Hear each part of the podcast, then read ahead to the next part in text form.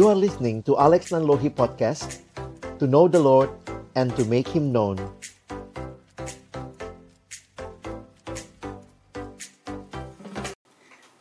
Mari sama-sama sebelum kita membaca merenungkan firman Tuhan, kita berdoa.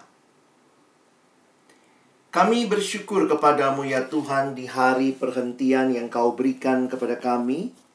Kami boleh datang memuji memuliakan namamu dan juga tiba waktunya bagi kami untuk membuka firmanmu ya Tuhan. Kami mohon biarlah waktu kami membuka firmanmu, bukalah juga hati kami, Jadikanlah hati kami seperti tanah yang baik, supaya ketika benih firman Tuhan ditaburkan, itu boleh sungguh-sungguh berakar, bertumbuh, dan berbuah nyata di dalam kehidupan kami, di dalam masa muda kami, bagi kemuliaan-Mu. Waktu selanjutnya kami persembahkan ke dalam tangan pengasihan Tuhan, Tolong kami bukan cuma jadi pendengar-pendengar firman yang setia, tapi mampukan dengan kuasa pertolongan dari rohmu yang kudus.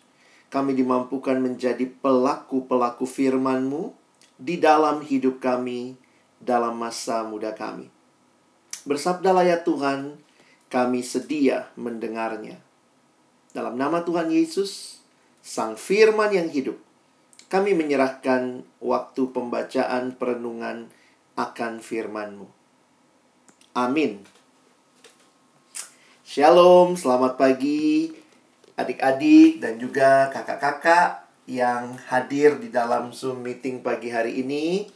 Bersyukur sekali untuk kesempatan kita ber ini namanya berzumpa ya. Karena melalui Zoom ya.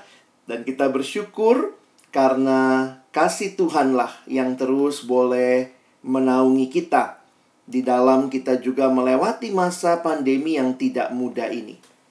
Tema yang diberikan kepada kita untuk kita pikirkan bersama pagi ini adalah siapakah aku di masa pandemi. Terima kasih teman-teman yang tadi boleh share videonya. Itu menjadi satu pertanyaan juga tentunya buat kita semua. Lalu teman-teman yang lain seperti apa? Siapa kamu di masa pandemi. Pandemi yang kita alami memang sudah menjadi satu realita yang hampir satu tahun ini kita rasakan. Ini bukan cuma teori terjadinya di Wuhan, China, tapi bahkan begitu dekat, bahkan mungkin dari kita ada juga yang keluarganya mengalami dampak dari pandemi ini. Sesuatu yang awalnya hanya masalah kesehatan, tapi bahkan telah menjadi masalah sosial, masalah ekonomi, masalah spiritual, kita harus ibadah seperti ini, masalah pendidikan, kalian harus belajar dari rumah. Jadi, ini semua menjadi sebuah dampak yang luas. Nah, dalam situasi seperti ini, mengalami krisis yang tidak mudah, apa yang kira-kira kita bisa pelajari ya?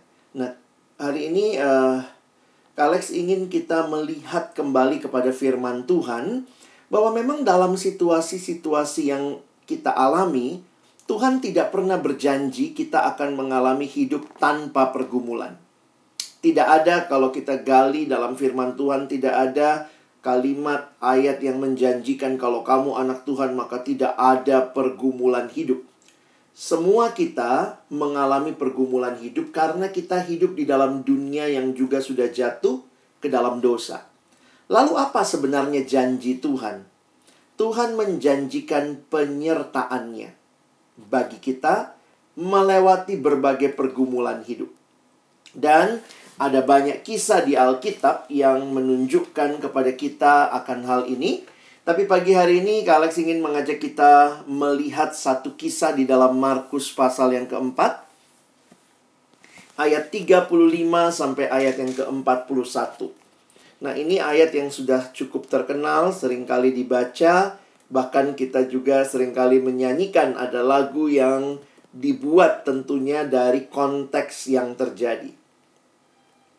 Bila topan keras melanda hidupmu, Bila putus asa dan letih lesu, berkat Tuhan satu-satu hitunglah. Kau niscaya kagum oleh kasihnya. Berkat Tuhan mari hitunglah. Kau kan kagum oleh kasihnya. Berkat Tuhan mari hitunglah. Kau niscaya kagum oleh kasihnya Nah saya ajak kita sama-sama akan membaca Kak Alex akan coba memberikan langsung penjelasan dari ayat-ayatnya. Karena itu saya sudah tuliskan semua ayatnya ada di screen. Kita akan mulai dari Markus pasal yang keempat, ayat yang ke-35. Pada hari itu, waktu hari sudah petang, Yesus berkata kepada mereka, "Marilah kita bertolak ke seberang." Mereka meninggalkan orang banyak itu lalu bertolak dan membawa Yesus beserta dengan mereka dalam perahu di mana Yesus telah duduk dan perahu-perahu lain juga menyertai dia. Teman-teman, mungkin kita jadi bertanya, perahunya kayak apa ya? Nah, pada waktu kita menggali akan uh, gambaran arkeologis dari situasi pada masa itu, ada satu temuan, ada ini kira-kira bentuk dari kapal atau perahu nelayan Galilea pada waktu itu. Nah, ini ditemukan dalam satu penggalian arkeologis. Jadi kira-kira perahunya seperti ini, teman-teman. Ini bukan perahu motor, belum ada motor. Ini perahu dengan layar. Nah, cukup juga cukup besar kalau teman-teman perhatikan itu ya. Secara fit di situ ditulis ada uh, hitungannya dalam meter 8,1 kali 2,3 meter kali 1,4 meter itu panjang, lebar dan juga tinggi dari perahu itu. Dan itu bisa muat kira-kira 15 orang di dalam satu perahu. Jadi jangan berpikir ini perahunya kecil banget dan seterusnya ya. Nah, lalu kemudian perhatikan apa yang dikatakan dalam ayat 37. Lalu mengamuklah taufan yang sangat dahsyat. Dan ombak menyembur masuk ke dalam perahu, sehingga perahu itu mulai penuh dengan air. Teman-teman, kalau kita belajar tentang geografisnya daerah Galilea, khususnya Danau Galilea, danau ini juga karena perbedaan letak ketinggian. Jadi, ada penggalian uh, arkeologis yang melihat dalam arti geografis ya bahwa letak Danau Galilea itu ternyata dianggap lebih rendah daripada permukaan laut sehingga tekanan udara sering kali menyebabkan perbedaan tekanan udara yang ada menyebabkan terjadinya taufan badai. Jadi jangan berpikir ini badai pertama yang dialami oleh oleh orang-orang di danau itu tidak. Ini memang biasa terjadi. Dan jangan lupa, murid-murid Yesus itu adalah nelayan dari danau Galilea. Tetapi perhatikan catatan Alkitab khusus untuk kali ini dikatakan lalu mengamuklah taufan yang sangat dahsyat. Nah, ini taufannya sedikit berbeda ya. Sangat dahsyat sampai dikatakan ombak menyembur masuk ke dalam perahu sehingga perahu itu mulai penuh dengan air dan resikonya pasti bisa mudah tenggelam. Lalu kemudian dituliskan pada waktu itu Yesus sedang tidur di buritan di sebuah tilam. Maka murid-muridnya membangunkan dia dan berkata kepadanya, Guru, engkau tidak peduli kalau kita binasa? Nah, buritan itu di mana? Ya, dalam terjemahan yang lain dikatakan buritan itu di bagian belakang perahu ya.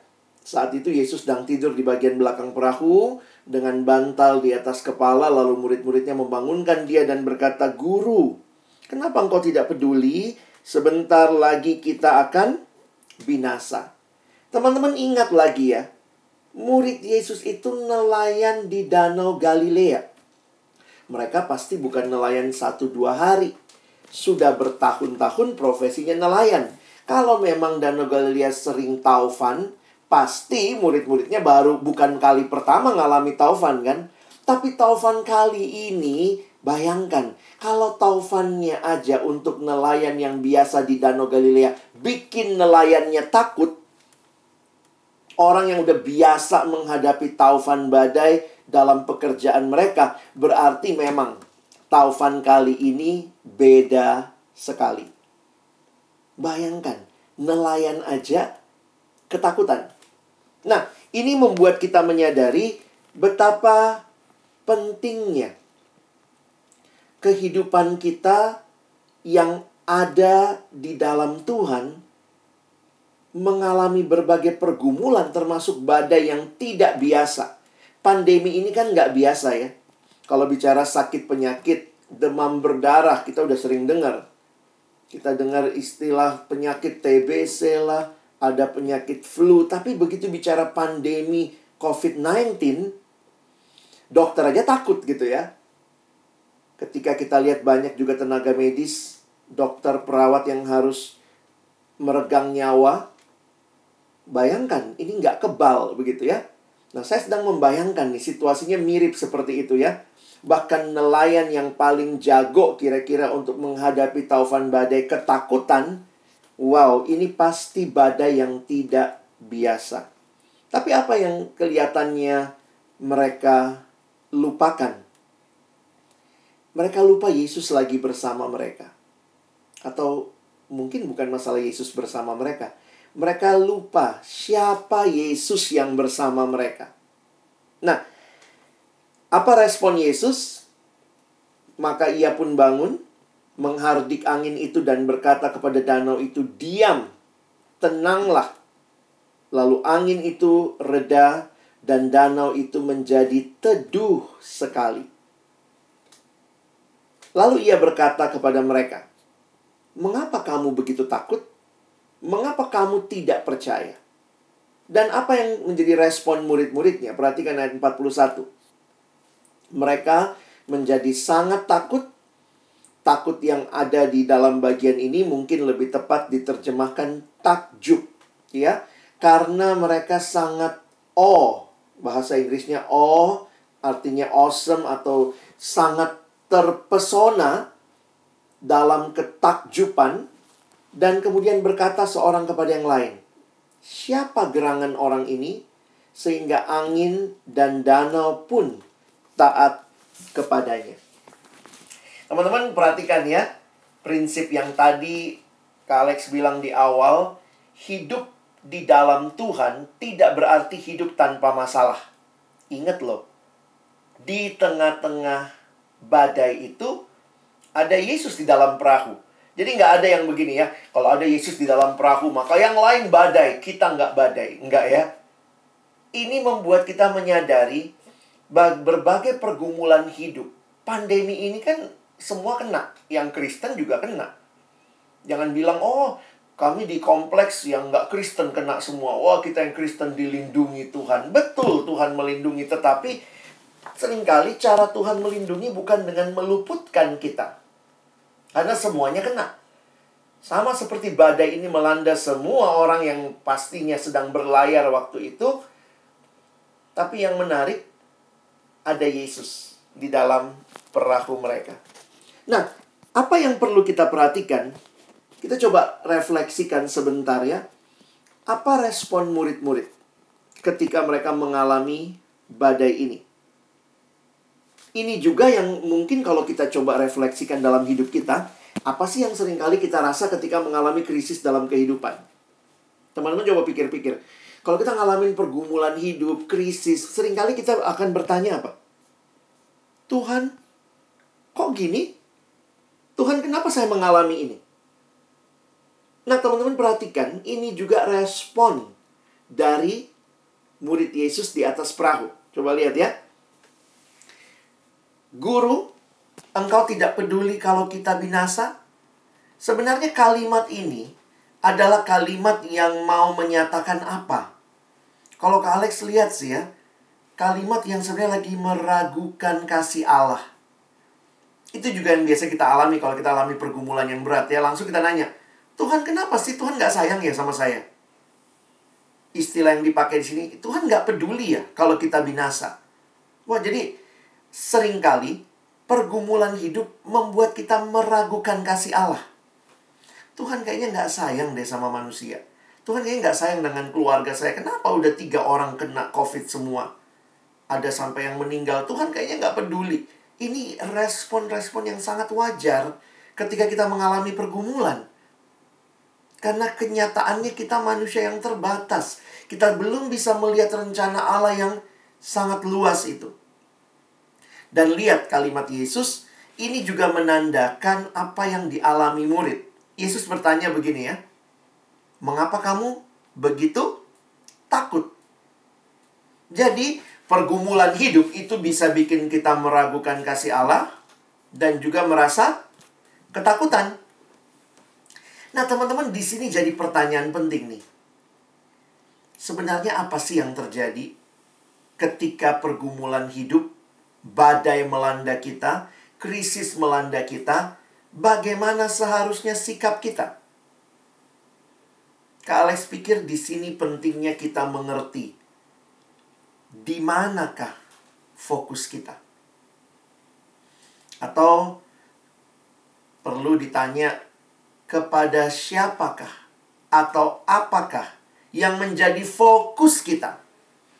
Teman-teman, sering kali memang fokus kita adalah kepada pergumulannya.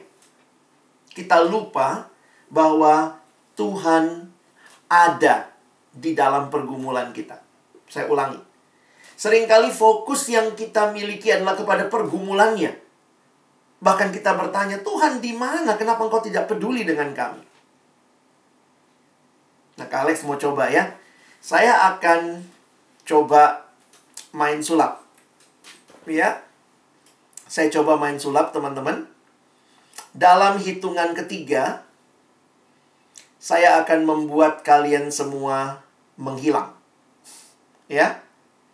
Saya mau coba dalam hitungan ketiga, saya akan mencoba membuat kalian semua menghilang. Perhatikan saya di layar ya. Saya akan hitung sampai tiga. Dalam hitungan ketiga saya buat kalian semua hilang. Pegang saudaramu mungkin yang ada di sampingmu ya. Coba Kak Alex akan lakukan sulap ini. Coba fokus ke kamera, lihat saya. Dalam hitungan ketiga, saya akan buat kalian semua menghilang. Siap ya? Satu, dua, tiga. Kalian semua hilang. Kenapa kalian hilang? Karena ada fokus yang begitu kuat di depan saya. Seringkali dalam pergumulan hidup, kita fokus kepada masalah, masalah kita liatin terus masalahnya ya. Sehingga jangan heran kita bertanya, di mana Tuhan? Di mana Tuhan? Karena mata kita sudah begitu penuh dengan berbagai pergumulan yang kita alami. Tetapi kalau di dalam kehidupan itu yang kita lakukan, ngeri teman-teman. Kalau kamu fokus kepada masalahmu yang besar, jangan heran Tuhan jadi kecil. Mana Tuhan? Mana Tuhan? Tapi sebaliknya, kalau kamu fokus kepada Tuhan yang besar, ada masalah? Ada. Jangan bilang nggak ada juga ya. Ada masalah? Ada masalah. Tetapi Tuhanku jauh lebih besar daripada masalah itu. Teman-teman yang dikasihi Tuhan, murid-murid Yesus fokus kepada badainya sampai lupa di dalam perahu ada ada Yesus. Nah, ini jadi pertanyaan penting buat kita ya. Bagaimana kita di dalam kehidupan ini meresponi berbagai hal yang terjadi? Ada krisis ada, ada pergumulan ada, kita nggak bisa tutup mata. Ada yang meninggal karena karena COVID ini ada keluarga kita yang terdampak, ada yang mungkin kena PHK, ada yang mengalami berbagai hal. Ada, saya nggak bisa bilang nggak ada. Tetapi Tuhan juga ada dan Tuhan kita jauh lebih besar dari segala pergumulan kita. Jadi sebenarnya hidup itu apa? Hidup itu adalah sebuah perjalanan bersama Tuhan yang tidak pernah meninggalkan kita. Jadi kalau kita perhatikan, kenapa Tuhan Yesus berjalan bersama muridnya? apa yang dia mau murid-muridnya pelajari. Karena kan Yesus tidak meninggalkan mereka. Di Markus pasal 4 ayat 35 sampai 41 kalau kalian baca kisah ini tadi yang kita baru baca, saya pikir Tuhan Yesus mau mengajarkan. Jangan sampai kita lewat kesempatan belajar ini. Betul ada badai, betul. Tapi murid-muridnya paling tidak di ayat 41 tadi mereka takjub kepada Tuhan. Apa yang mereka pelajari? Mereka nggak pelajari, ih badai kali ini besar banget, yang lebih besar dari yang pernah kita alami. Ih luar biasa ngerinya, hampir mati kita, aduh masuk semua air. Itu semua realita pergumulan. Realita fakta yang terjadi, tetapi pada saat yang sama mereka belajar Yesus yang bersama dengan kami, dia lebih berkuasa daripada alam ini. Bahkan dia punya kuasa atas alam ini. Waktu dia bilang, diam, tenanglah. Maka semuanya tenang. Teman-teman sekali lagi saya tidak bilang nggak ada masalah. Masalahnya ada, kita bisa analisa, kita bisa hitung berapa yang meninggal setiap hari, berapa yang terkena dampak, berapa banyak orang yang kehilangan pekerjaan. Betul, tapi marilah kita juga tidak lupa bahwa Tuhan yang lebih berkuasa daripada semua realita alam itu sedang menyertai kita. Dia bersama dengan kita. Teman-teman kalau kita pelajari Markus 4 ini, nanti kalian lihat di Alkitab ya. Alex nggak ada kesempatan menjelaskan satu-satu, tapi sesudah Markus 4 itu Markus 5. Kalian masih ingat tentang orang yang gila atau orang yang dirasuk setan maksudnya ya sehingga dia nampak seperti orang yang gila. Dan kemudian Yesus dan murid-muridnya sampailah ke sana lalu mengusir setan dari tubuh orang itu dan masuk kepada babi itu ya. Masih ingat kisah itu? Jangan lupa murid-murid lagi bersama Yesus. Mereka kan life is a journey with Jesus. Mereka waktu lihat itu pasti kaget. Wih Wah ada kuasa gelap nih, ngeri sekali. Kuasa gelap itu membuat orang ini nggak bisa dirantai, selalu putus rantainya. Itu masalah. Itu masalah, ngeri, ngeri banget. Tapi hari itu, Yesus mengusir setan itu. Murid-murid belajar apa? Jangan fokus sama masalahnya. Masalahnya ada-ada. Ngeri, ngeri. Bayangkan, orang ini nggak bisa dirantai dan seterusnya. Tapi mari lihat lagi kepada Yesus. Yesus tuh lebih berkuasa. Dia berkuasa bahkan atas si setan yang tidak punya kuasa di hadapannya. Teman-teman, kalau kita tidak dapatkan ini, saya takut gitu ya, kita kehilangan indahnya hidup bersama Yesus. Masalah betul ada, tetapi Yesusku lebih berkuasa dari semua masalah.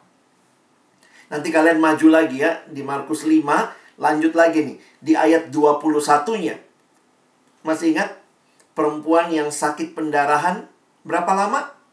12 tahun. Sakit pendarahan 12 tahun itu bukan waktu yang singkat ya.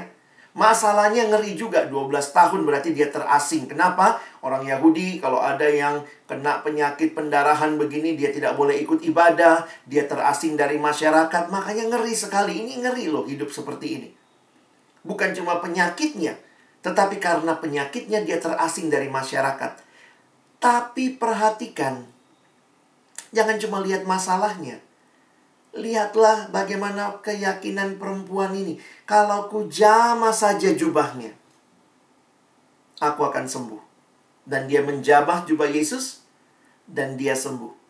Nah, waktu dia sembuh sebenarnya ya udahlah ya, pergi diam-diam selesai. Kenapa Yesus bilang, siapa yang jama saya? Siapa yang menyentuh jubah saya? Itu kan bikin muridnya yang lain bingung. Hah? Banyak begini orang yang berdesak-desakan.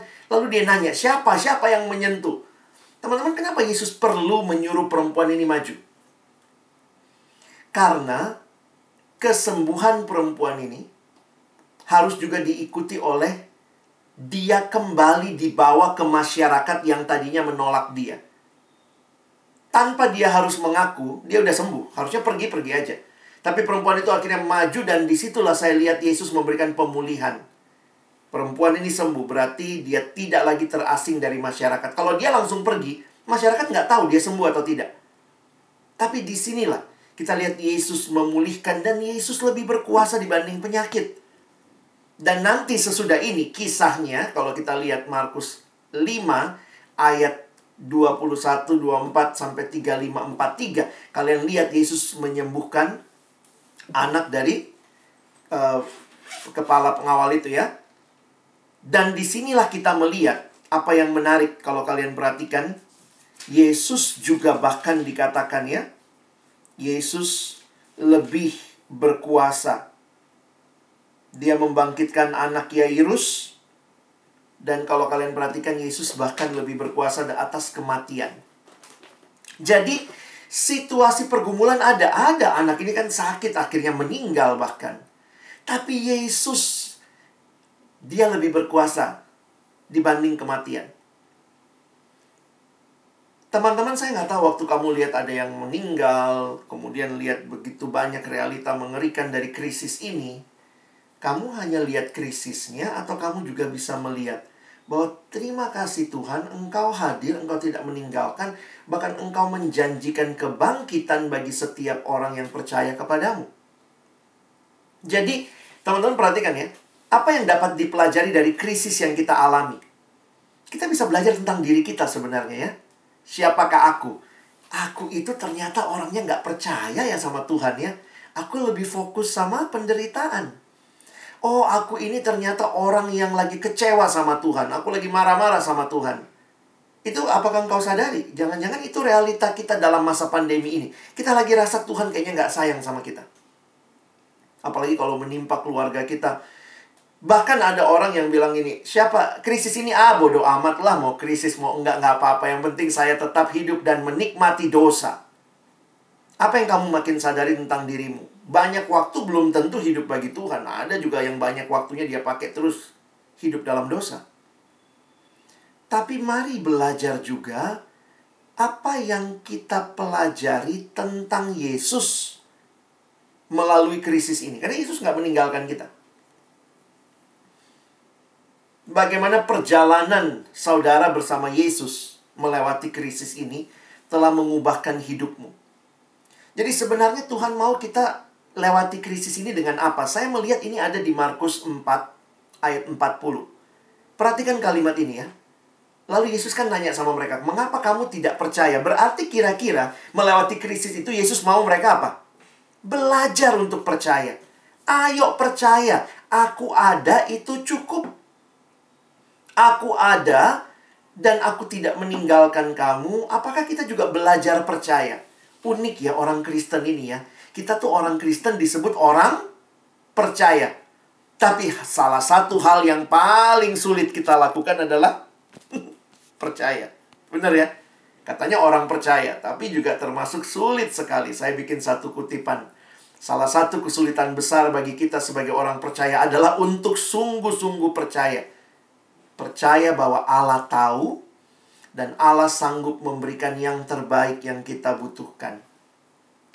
Teman-teman, corona ini membuat kita sadar karena krisis sering kali menunjukkan siapa kita sesungguhnya. Tapi jadi pertanyaannya, apakah krisis ini membuat kita makin self-centered, makin lihat ke dalam diri, makin nikmati dosa, makin nikmati hal-hal yang nggak benar. Kadang-kadang begitu juga yang terjadi ya. Ada yang mungkin kecewa sama Tuhan, ada yang nggak kecewa tapi mulai cuek. Ah Tuhan ada nggak ada kayak gininya hidup. Ah udahlah ini hidupku masa mudaku. Corona ini bikin kita mungkin sangat fokus sama diri kita. Tadi teman-teman sharing ya, saya seorang anak di rumah, saya seorang murid di sekolah, tapi apakah juga dalam masa-masa ini teman-teman makin kenal siapa Tuhan? Ya, memang nggak mudah. Orang tua juga ngerasain ya yang harus work from home. Nggak mudah. Yang work from office harus datang ke kantor mungkin bapak mama kita itu juga nggak mudah. Semua dengan protokol kesehatan takut tertular.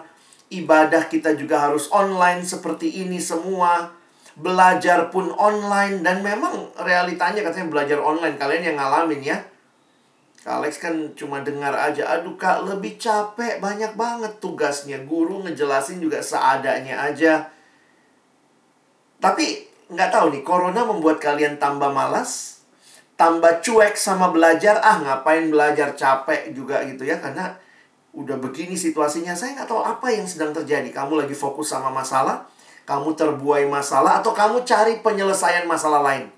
Ah, ada anak-anak siswa di Jakarta waktu gurunya lagi menjelaskan karena dua handphonenya anak sekarang kaya-kaya ya. Ada dua handphonenya sambil guru menjelaskan sambil dia main game sama temennya online juga. Kenapa? Cuek lah dengan hidup. Ada yang dalam masa corona ini, wah waktu banyak. Dipakai buat apa? Salah satunya, wah ngedrakor, drama Korea, uh nangis-nangis depan laptop atau mungkin lihat view atau nonton di Netflix gitu ya. Saya nggak tahu nih apa yang kalian alami. Apakah kamu makin kenal dirimu? Aku itu ternyata kalau bosan begini ya, nggak bener juga caraku bosan ya. Aku berarti nggak cari Tuhan, aku cari kesenangan di luar Tuhan. Tidak salah nonton drama. Tidak salah dong nonton film, apalagi kalau sesuai umur. Tapi kalau kita kecanduan, nah itu udah mulai masalah. Belum lagi yang kecanduan juga ini ya. Banyak yang game online tadi Kak Alex bilang. Apakah kamu orang yang termasuk ini? Siapa kamu di masa pandemi ini? Kamu berani hadapi masalah, belajar makin percaya Tuhan, atau kamu coba gunakan mengalihkan diri dari masalah atau bahkan menyelesaikan masalah dengan tambah masalah baru. Kamu cari kepuasan, kesenangan yang tidak semestinya, tentu sekali lagi tidak salah dong main game. Tapi kalau semuanya waktu kita hanya habis main game, something wrong. Kamu bukan main game, kamu sudah kecanduan game. Kalau main itu ada nikmatnya, kapan pun bisa ditinggal, bisa main lagi. Kalau kecanduan, tidak bisa tidak main. Kayak orang yang ada kecemasan kalau nggak main.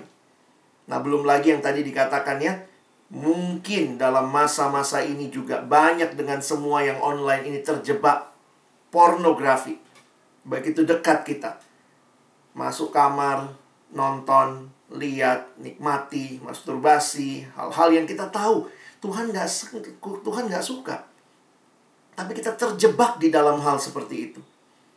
Nah, Inilah yang menjadi refleksi kita. Siapa kamu? Pandemi ini makin menunjukkan kamu siapa?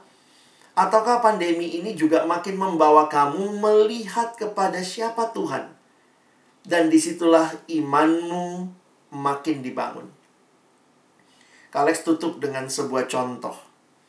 Salah satu contoh yang menarik dari kehidupan Rasul Paulus. Teman-teman, kenapa saya mengangkat hidup Rasul Paulus? Ingat, Rasul Paulus juga mengalami krisis. Apa krisisnya? Paulus lagi ada di penjara. Jadi Paulus tulis surat Filipi dari penjara. Sekali lagi ini kan krisis dari penjara. Jangan bayangkan penjaranya kayak sekarang ya, zaman dulu. Tapi dari surat Filipi kita pelajari apa yang muncul jadi kerinduan mendalam Paulus waktu krisis. Krisis bisa aja Paulus malas-malasan, bisa aja ya sudahlah Tuhan sudah ninggalin saya. Buktinya saya melayani Tuhan masuk penjara juga ya sudahlah nikmati dosa aja. Kita mungkin gampang sekali berkata demikian karena krisis dan pergumulan. Tapi ketika Paulus nulis Filipi pasal 3 ayat 10 dan 11, saya kagum sekali waktu baca ayat ini. Sekali lagi kalau baca ayat ini tanpa tahu latar belakangnya, kesannya kayak Paulus lah, memang dia rasul sih, yang kehendaki adalah mengenal dia dan kuasa kebangkitannya. Oh, Paulus memang rasul. Tapi dia rasul yang sedang ada dalam krisis, penderitaan. Dia ada dalam penjara. Tapi kerinduannya tetap sama. Aku ingin mengenal Allah. Mengenal kuasa kebangkitannya dan persekutuan dalam penderitaannya di mana aku menjadi serupa dengan dia dalam kematiannya supaya aku akhirnya beroleh kebangkitan dari orang dari antara orang mati. Fokus Paulus bukan pada pergumulannya, bukan juga dengan dirinya dan dosa-dosanya. Dia bukan menikmati dalam masa itu, tetapi dia fokusnya adalah saya makin mau kenal Tuhan. Inilah kekristenan ya. Kekristenan itu bukan sekedar ajaran, tetapi kekristenan adalah relasimu dengan Tuhan. Siapa Tuhan buat hidupmu? Paulus menuliskan tujuan hidupnya mengenal Tuhan. Jadi krisis tidak membuat dia lupa tujuanku mengenal Tuhan. Mau krisis nggak krisis, saya mau kenal Tuhan. Dia arahkan seluruh hidupnya mengenal Tuhan. Pengenalan yang bagaimana? Teman-teman saya pikir ini pengenalan yang lebih daripada sekedar informasi. Teman-teman bisa tahu siapa Yesus, dia lahir di mana, siapa mamanya, siapa papanya. Itu informasi. Tapi Paulus punya pengenalan yang relasional sehingga dia katakan yang kuhendakilah mengenal dia dan mengalami kuasa kebangkitannya. Jadi pengenalan yang melibatkan pengalaman, bahkan melibatkan perubahan, transformasi. Karena lihat Paulus bilang apa? Aku rindu, pengenalanku itu makin membuat aku menjadi serupa dengan dia. Teman-teman, apakah krisis ini bikin kamu makin mirip Yesus? Di rumah cara ngomongnya ke papa mama makin mirip Yesus. Sabar, kadang-kadang kan dalam masa semua di rumah tensi kita meninggi ya.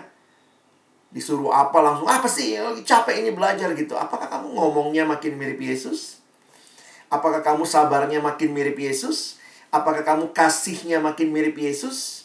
Kamu makin berubah mirip Yesus ataukah ternyata pandemi ini makin menunjukkan siapa kamu yang hidup tanpa Yesus harusnya kita yang sudah mengenal Tuhan menunjukkan apa artinya kita anak-anak Tuhan. Pertanyaan lebih lanjut, kamu makin bertumbuh nggak? Tadi banyak bilang ya, waktu banyak. Makin bertumbuh nggak? Makin kita pakai baca firman? Bangun hidup yang berakar dalam firman Tuhan? Atau kita menikmati dosa? Kalau nonton drama sudah kecanduan, dua tiga episode satu malam, tahan mata. Eh, baca Alkitab baru dua menit. udah ngantuk. Apa yang salah dengan kerohanian kita? Firman Tuhan diberikan untuk mengajar, menyatakan kesalahan, memperbaiki kelakuan, mendidik orang dalam kebenaran. Bagaimana bertahan dalam krisis? Baca firman Tuhan.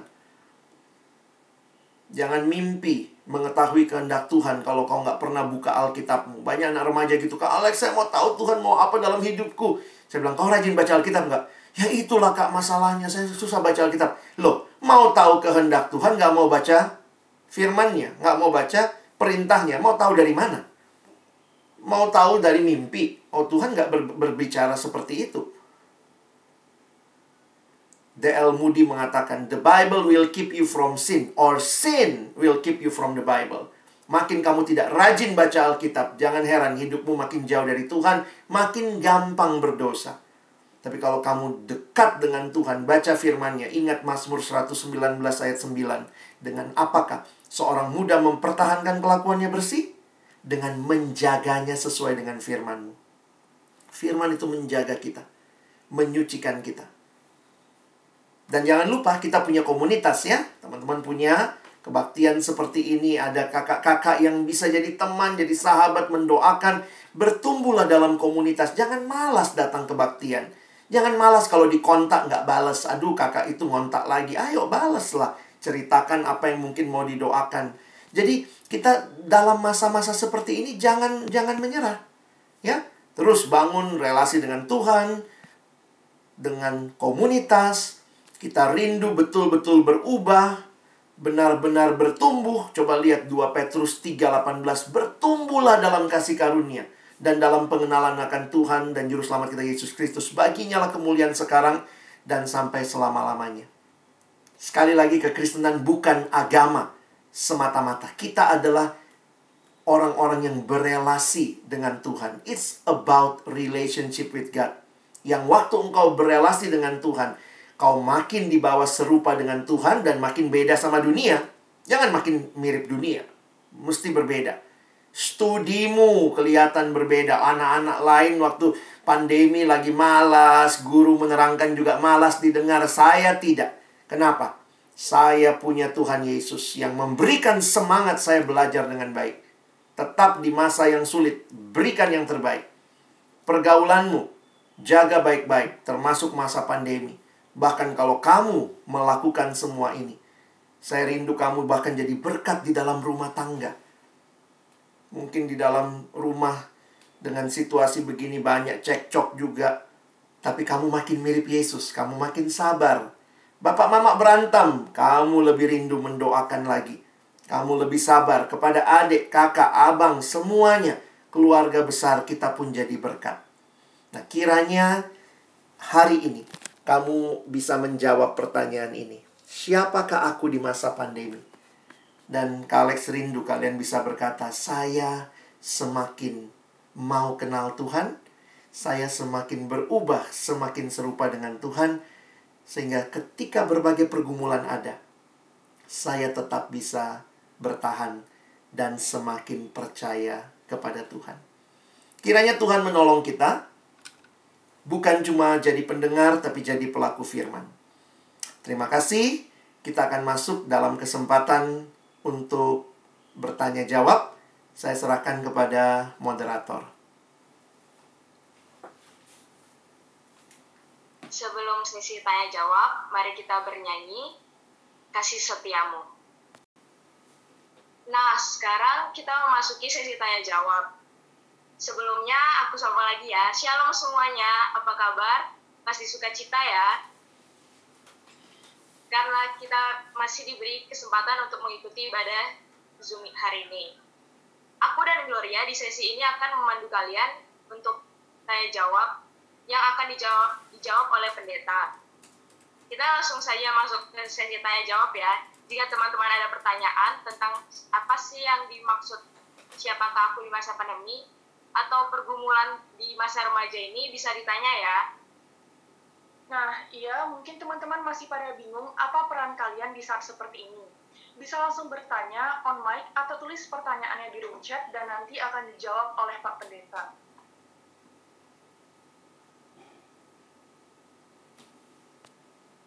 kita mau mengulas balik nih tentang khotbah tadi yang dibawakan oleh Pak Pendeta. Luar biasa sekali ya firmannya ya Gloria. Iya, firmannya luar biasa sekali, sangat menambah wawasan dan uh, kayak tadi yang ukuran perahu dan kalau tahu kan di Danau Galilea itu emang lumayan sering terjadi, itu aku pribadi uh, baru tahu. Uh, mungkin kalau ukuran kapalnya udah pernah ya dibahas, tapi kalau yang masalah telepon itu aku sendiri baru tahu Uh, dan ternyata yang lebih luar biasanya lagi, kita di khotbah ini juga diingatkan kalau kadang kita itu terlalu fokus dengan masalah kita, sampai-sampai kita nggak sadar kalau Tuhan itu selalu ada di setiap masalah kita dan pergumulan kita. Uh, kalau menurut Diva sendiri gimana nih? Iya nih Glo, yang apa badai tadi kan, itu kita tuh harus kayak percaya kepada Tuhan karena Tuhan tuh atas uh, di atas segala alam gitu. Dia yang berkuasakan semuanya, dia yang mengatur semuanya terus uh, percaya jadi pandemi ini ya Tuhan bekerja juga walaupun banyak yang sakit berjatuhan tetap aja Tuhan Tuhan melindungi dan mengatur semuanya Tuhan udah rencanakan semuanya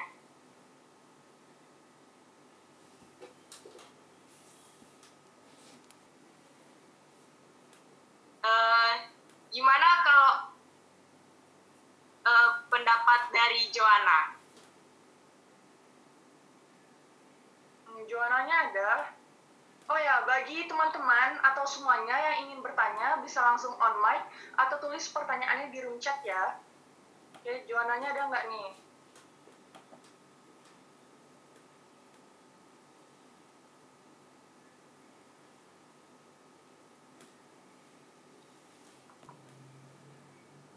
khotbah yang disampaikan oleh Pak Pendeta tadi uh, sampai ngena hati gitu ya kayak misalnya ya memang sih kita tuh kalau dalam masalah kadang ya nggak ingat dengan sang pencipta tidak ingat dengan Tuhan apa yang dia lakukan kepada kita walaupun kita tidak tahu tapi tanpa sengaja bahwa ternyata Tuhan itu emang udah menolong kita dan udah membantu kita dalam setiap masalah. Makanya dari itu kita harus selalu mengucap syukur. Terus uh, kita tuh sering membaca kitab lebih dekatkan diri kepada Tuhan supaya kita tuh lebih tahu kasih Allah yang sebenarnya yang Tuhan berikan kepada kita. Begitu saja.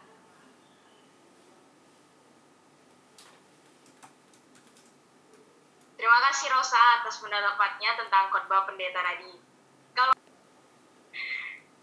Kalau sama-sama kayak Rosa. Kasih tambahan ya, Lavin. Masa sama aja? Pasti kan setiap orang punya pandangan yang berbeda-beda. Uh, ya itu. Ya, sama yang kayak dibilang Rosa tadi, kalau kita punya masalah itu, pasti baru ingat Tuhan. Tapi waktu udah senang, tenang kita gak ingat Tuhan, lupa ngucap syukur. Jadi kita ingatnya itu waktu kita susah aja baru ke Tuhan. Kalau nggak lagi susah nggak ke Tuhan. Oh, makasih ya pendapatnya Ben. Jadi belum ada yang bertanya nih ke Pak Pendeta. Eh, kakak moderator boleh dong saya bertanya. Ah, tanya-tanya. Ya. Nah, jadi saya ingin bertanya kepada Pak Pendeta nih, bagaimana cara bagaimana agar kita percaya bahwa Tuhan itu bekerja ketika kita melewati masalah dalam pandemi ini? Apalagi sebagai pelajar kan banyak masalah dalam pandemi seperti jaringan pada daring, malas belajar, rasanya ingin main game terus atau ingin di kamar terus tidur bangun makan. Nah itu bagaimana Pak Ben? Baik, terima kasih pertanyaannya. Nah, ini memang apa yang kita alami ya, yang tadi ditanyakan oleh Gunawan, Markus. Inilah realita yang kita alami. Nah, mungkin buat saya adalah begini. Ada hal-hal yang kita harus lihat melampaui situasi, ya. Karena hidup beriman kita itu ditolong oleh firman Tuhan, kita boleh lihat juga kebenaran Alkitab. Jadi, saya bilangnya gini ya. Kalaupun saya lagi alami kebosanan, saya alami kayaknya malas, tapi saya tetap meyakini Tuhan itu sanggup memberikan kekuatan. Tuhan itu sanggup memberikan kelegaan. Tuhan sanggup mem memberikan saya uh, apa ya? kekuatan melewati pergumulan itu. Karena itu, keyakinan itu walaupun saya belum alami ya. Saya yakin nih. Tapi gini, saya lagi malas, saya lagi capek, saya lagi bosan, tapi saya yakin bahwa firmannya mengatakan bahwa kekuatan ada di dalam Tuhan, semangat datangnya dari Tuhan, sukacita di hati dari Tuhan. Maka saya pegang janji Tuhan itu dan janji Tuhan yang saya pegang itu menolong saya memilih hal-hal yang saya lakukan. Jadi bagi saya pertama apa yang kau yakini dari Tuhan? Kalau kau sudah yakin dari Tuhan walaupun kau belum mengalami keyakinan itu kau pegang dan pilihlah, jangan pilih main game terus. Jangan pilih, jangan pilih guru lagi menerangkan kita nggak mau dengar, ah, jangan pilih itu. Belajarlah memilih yang kita yakini dari kebenaran firman walaupun kita belum mengalami dan saya yakin ketika engkau belajar terus memilih apa yang sesuai dengan kehendak Tuhan, Tuhan akan memberikan semangat itu, kekuatan itu, mengatasi rasa bosan itu di dalam waktunya Tuhan. Nah mungkin ini ya namanya hidup beriman itu kadang nggak gampang dijelaskan. Teman-teman kan suka berpikir begini. Saya udah baca Alkitab kok belum semangat juga, ya udahlah main game lagi lah. Saya udah baca Alkitab kok belum semangat juga, ya udahlah nonton drakor aja lah terus bodo amat lah. Jadi kadang-kadang kita karena belum mengalami, kita langsung tidak memilih apa yang benar. Kita terus memilih yang itu lagi, itu lagi, itu lagi. Nanti tambah lama kamu tambah merasa kayaknya memang game inilah yang memberikan kepuasan. Ada di kamar terus itulah yang memberikan aku kebahagiaan. Jadi kita sendiri tidak meyakini firman dan tidak memilih yang sesuai dengan firman. Nah, saya kasih contoh lah begini ya. Saya punya kebiasaan saat teduh tiap pagi. Jangan berpikir Pak Pendeta juga tidak ngalamin. Saya ngalamin juga kebosanan di rumah terus. Pelayanan online, lihat layar, nengok layar. Kalau semua matiin cam, saya nggak tahu dia denger apa tidak. Mungkin lagi sambil masak begitu ya. Jadi saya sempat waktu itu ngalami, Tuhan kok capek ya. Bosen saya. Tapi kemudian, kebiasaan saya setiap pagi itu baca Alkitab saat teduh. Nah, kadang-kadang kan kalau bosan begitu pengennya udahlah ninggalin juga lah saat teduhnya ngapain sih? Toh kita juga lagi bosan. Tapi kemudian saya belajar untuk tetap memilih baca firman setiap hari. Itu komitmen yang saya buat. Saya punya keyakinan Tuhan bicara lewat firman, maka saya baca. Nah, waktu saya baca awal Februari ini, Wah, saya dapat Yohanes 15. Tinggallah di dalam aku. Itu benar-benar loh Tuhan kasih saya kekuatan lagi, kesegaran lagi lewat apa yang saya baca itu. Walaupun saya mesti mengaku ya, berminggu-minggu saya nggak ngalamin itu. Saya lagi bergumul, Tuhan kok lagi bosan aku ya. Tuh, Tuhan kok aku lagi capek. Tapi ketika saya tetap melakukan pilihan, saya tetap memilih baca firman, Tuhan kasih kekuatan di situ. Nah, karena saya ada satu anak remaja pernah bilang gini, Kak, aku lagi bosan, baca Alkitab nggak dapat apa-apa, baca Alkitab nggak dapat apa-apa. Jadi saya bilang, apa yang kau lakukan? Ya saya nggak baca. Nah, saya bilang sama dia, Dek, kau nggak baca aja, kau baca aja nggak dapat apa-apa. Apalagi kau nggak baca sama sekali. Mau dapat apa? Dia bilang, oh gitu ya bang. Saya bilang, iya. Kau baca aja bilangnya nggak dapat apa-apa. Apalagi kau tinggalin nggak mau baca. Jadi apa nasihat abang? Saya bilang, meskipun kau tidak dapat apa-apa sekarang, tetaplah pilih apa yang benar. Tetaplah pilih apa yang baik. Karena saya yakin Tuhan sanggup berbicara di dalam waktunya. Nah ini yang kita nggak tahu kapan waktunya Tuhan ya. Akan kembali memberikan pilihan-pilihan. Jadi secara praktis, jangan main game terus. Bosan main game, bosan main game. Coba pilih hal-hal yang berguna. Bosan, cari bapak mama. Apa yang bisa dibantu? Bosan, coba baca Alkitab. Jadi pilihan-pilihan kita, walaupun kayaknya belum ada perubahan, tetap belajar pilih yang baik. Jangan kau memilih yang membuat kamu makin kecanduan. Mungkin itu pengalaman saya ya.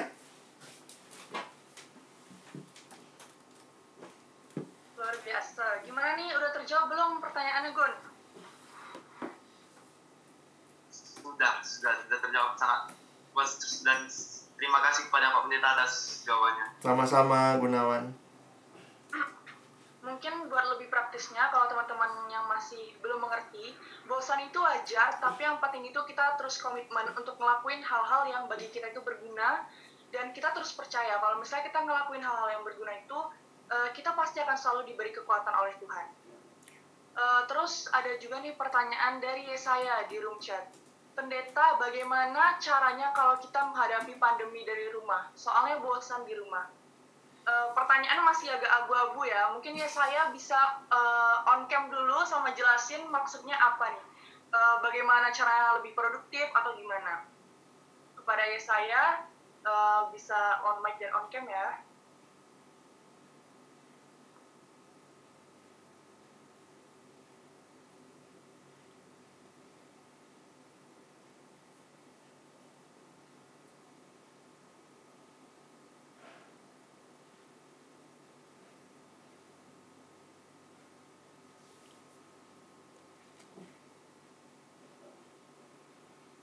Oke, karena ya sayanya nggak on cam sama on mic, mungkin ya, itu aja pertanyaan dari ya saya pendeta.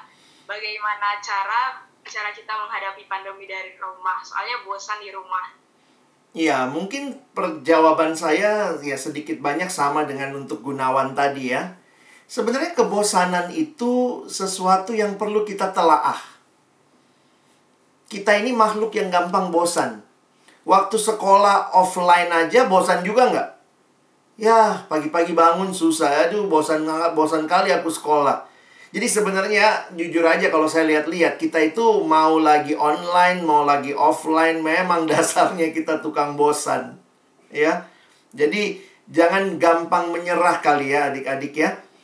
Jadi misalnya begini, cari tahu kenapa kamu bosan.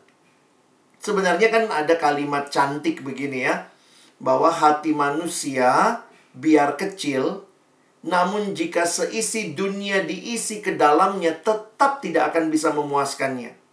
Karena hati kita diciptakan oleh Allah untuk diisi oleh Allah. Jadi sebenarnya mau seluruh dunia kau isi tidak akan bisa memuaskan hidupmu kalau kau tidak berjumpa dan menikmati kepuasan sejati di dalam Kristus. Itu mirip seperti begini. Kamu haus sekali, Lalu kemudian karena kau haus sekali, kau pergi ke laut, kau minum air laut. Tambah minum, tambah haus. Nah, saya menyadari ya, sering kali kita berpikir begini, mengatasi kebosanan, main game. Jujur, pernah nggak bosan main game? Jujurlah, pasti pernah. Udah main-main-main, bosan juga. Ada lagi game baru nggak? Waktu main game baru, udah main-main-main-main, bosan juga nggak? Lagi nonton drama Korea, nonton nonton nonton nonton, ih bosan juga. Sekarang kan malah bisa gitu ya, nonton satu, nonton yang satu lagi, nonton yang satu lagi, bisa aja tiga drama lagi kau tonton bersama. Waktu lagi bosan ini, yang sini dua seri, yang sini ah setengah juga nggak kelar. Jadi sebenarnya kita tuh makhluk yang tukang bosan. Itu hanya menunjukkan bahwa hati kita itu hanya bisa dipuaskan oleh Kristus. Karena itu, di tengah situasi seperti ini tetap ingat cari Tuhan, nikmati relasi dengan Tuhan dan belajar jadi berkat buat orang lain. Salah satu cara mengatasi kebosanan dari rumah belajar jadi berkat buat orang lain. Saya ketemu seorang siswa, ini kira-kira lima tahun lalu, saya ketemu seorang siswa yang saya kagum juga ya. Dia anak yang punya line group. Teman-teman tahu ya, anak-anak sekarang kan kalian punya line ya dia bikin line group, entah bagaimana caranya dia promosiin line grupnya. Followernya di line group itu 4 ribuan. Kaget saya. Waktu dia ketemu saya, saya waktu ngobrol sama dia, dia bilang, iya kak, saya tiap pagi posting buat orang-orang di line group saya. Berapa orang? 4 ribuan kak. Hah? Anak kelas 2 SMA mengelola sebuah line group pagi-pagi tuh yang dia lakukan apa? Dia sadar, dia bilang, saya kan nggak bisa khotbah, Kak. Saya kan nggak bisa ini. Jadi, dia cari gambar atau ayat, dia posting tiap hari. Nah, ternyata dia bilang, kakak tahu, ada juga loh yang kontak DM saya. Ada yang konsultasi, tanya-tanya. Dipikir saya ini hamba Tuhan, Kak. saya cuma anak SMA. Ada yang bahkan konsultasi sama suaminya mau cerai. Mana saya ngerti gitu ya. Tapi dia bilang gini ya, saya refer ke hamba Tuhan jadi poinnya dia bilang gini, saya cuma ingin berbagi apa yang saya nikmati dengan Tuhan setiap hari. Wah, saya kagum tuh. Mengatasi kebosanan, pikirlah, bukan apa yang kau lakukan buat dirimu, karena itu makin bikin makin bosan sebenarnya. Tapi belajarlah melihat apa yang kau bisa lakukan bagi Tuhan dan bagi sesama. Maka tadi yang uh, abang bilang ya, kadang-kadang kalau bosan keluar dari kamar, tanya mama bapak, apa yang bisa saya bantu? Makin kau di kamar, makin bosan kau. Percaya saya. Jadi kadang-kadang kita tuh suka mengatasi kebosanan dengan makin fokus sama diri. Makin self-centered. Itu nggak akan mengatasi kebosananmu. Makin bikin tambah bosan. Tapi belajar seperti firman Tuhan katakan, kasihilah sesamamu manusia seperti dirimu dan jadilah berkat, kasihilah Tuhan Allahmu dengan segenap hatimu. Kamu punya media sosial, kamu posting apa? Postinglah sesuatu yang bisa memberkati orang lain. Itu juga cara untuk mengatasi kebosanan. Kita punya Instagram. Bikinlah IG story. Teman-teman, hari ini lagi bosan saya. Apa yang bisa saya doakan untukmu? Tulislah. Orang tulis pokok doanya ya kau isilah waktumu dengan mendoakan orang lain. Itu nggak bosan. Ya mungkin itu nggak biasa aja buat kita ya. Kita mesti membiasakan. Oke, itu mungkin jawaban saya.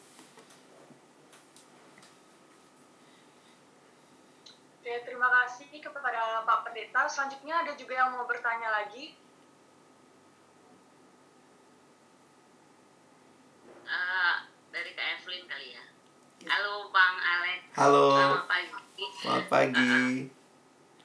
Uh, uh, apa namanya? Terima kasih untuk hari ini sangat menguatkan dan sangat mengingatkan kita sebagai anak Tuhan. Awal-awal pandemi uh, dari bulan tiga di Indonesia kali ya iya. sampai bulan enam kita di sekolah minggu itu stuck gitu. Tidak mau tidak melakukan apa-apa karena tidak tahu ya kan? Yeah. sampai sampai pada masa itu kita mengalami kebosanan. Dalam arti biasanya kita punya rutinitas sekolah minggu pagi ada sermon ada pertemuan guru ada ya pasti ada uh, pelayanan yang kita kerjakan. Itu kita sebagai kakak sampai pada masa bulan itu kita berpikir seperti apa ya gitu.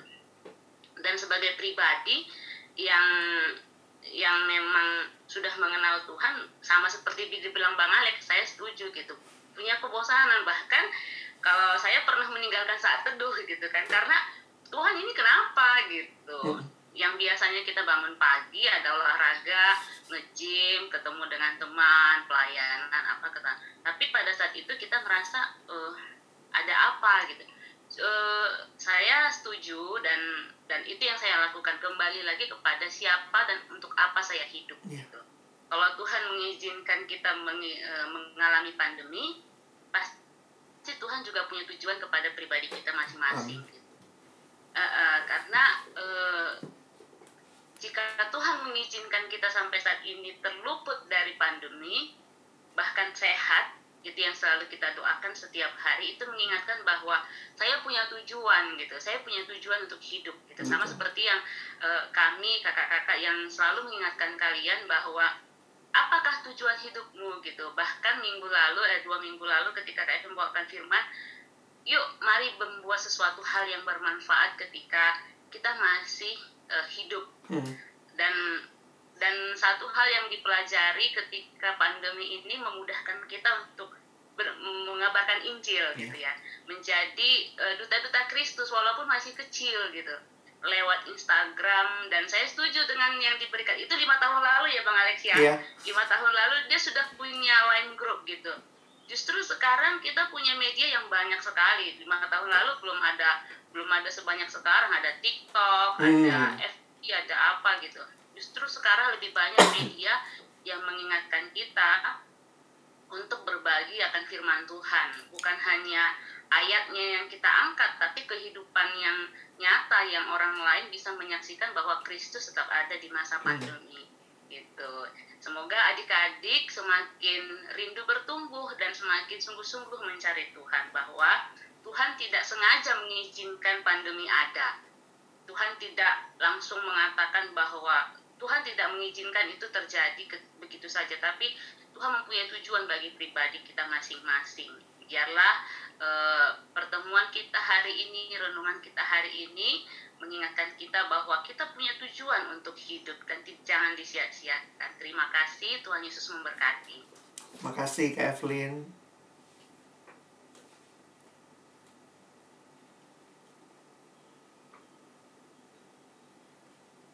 Masih ada yang mau bertanya? Nggak ada ya? Uh, aku sama Gloria sempat bikin question box nih di Instagram.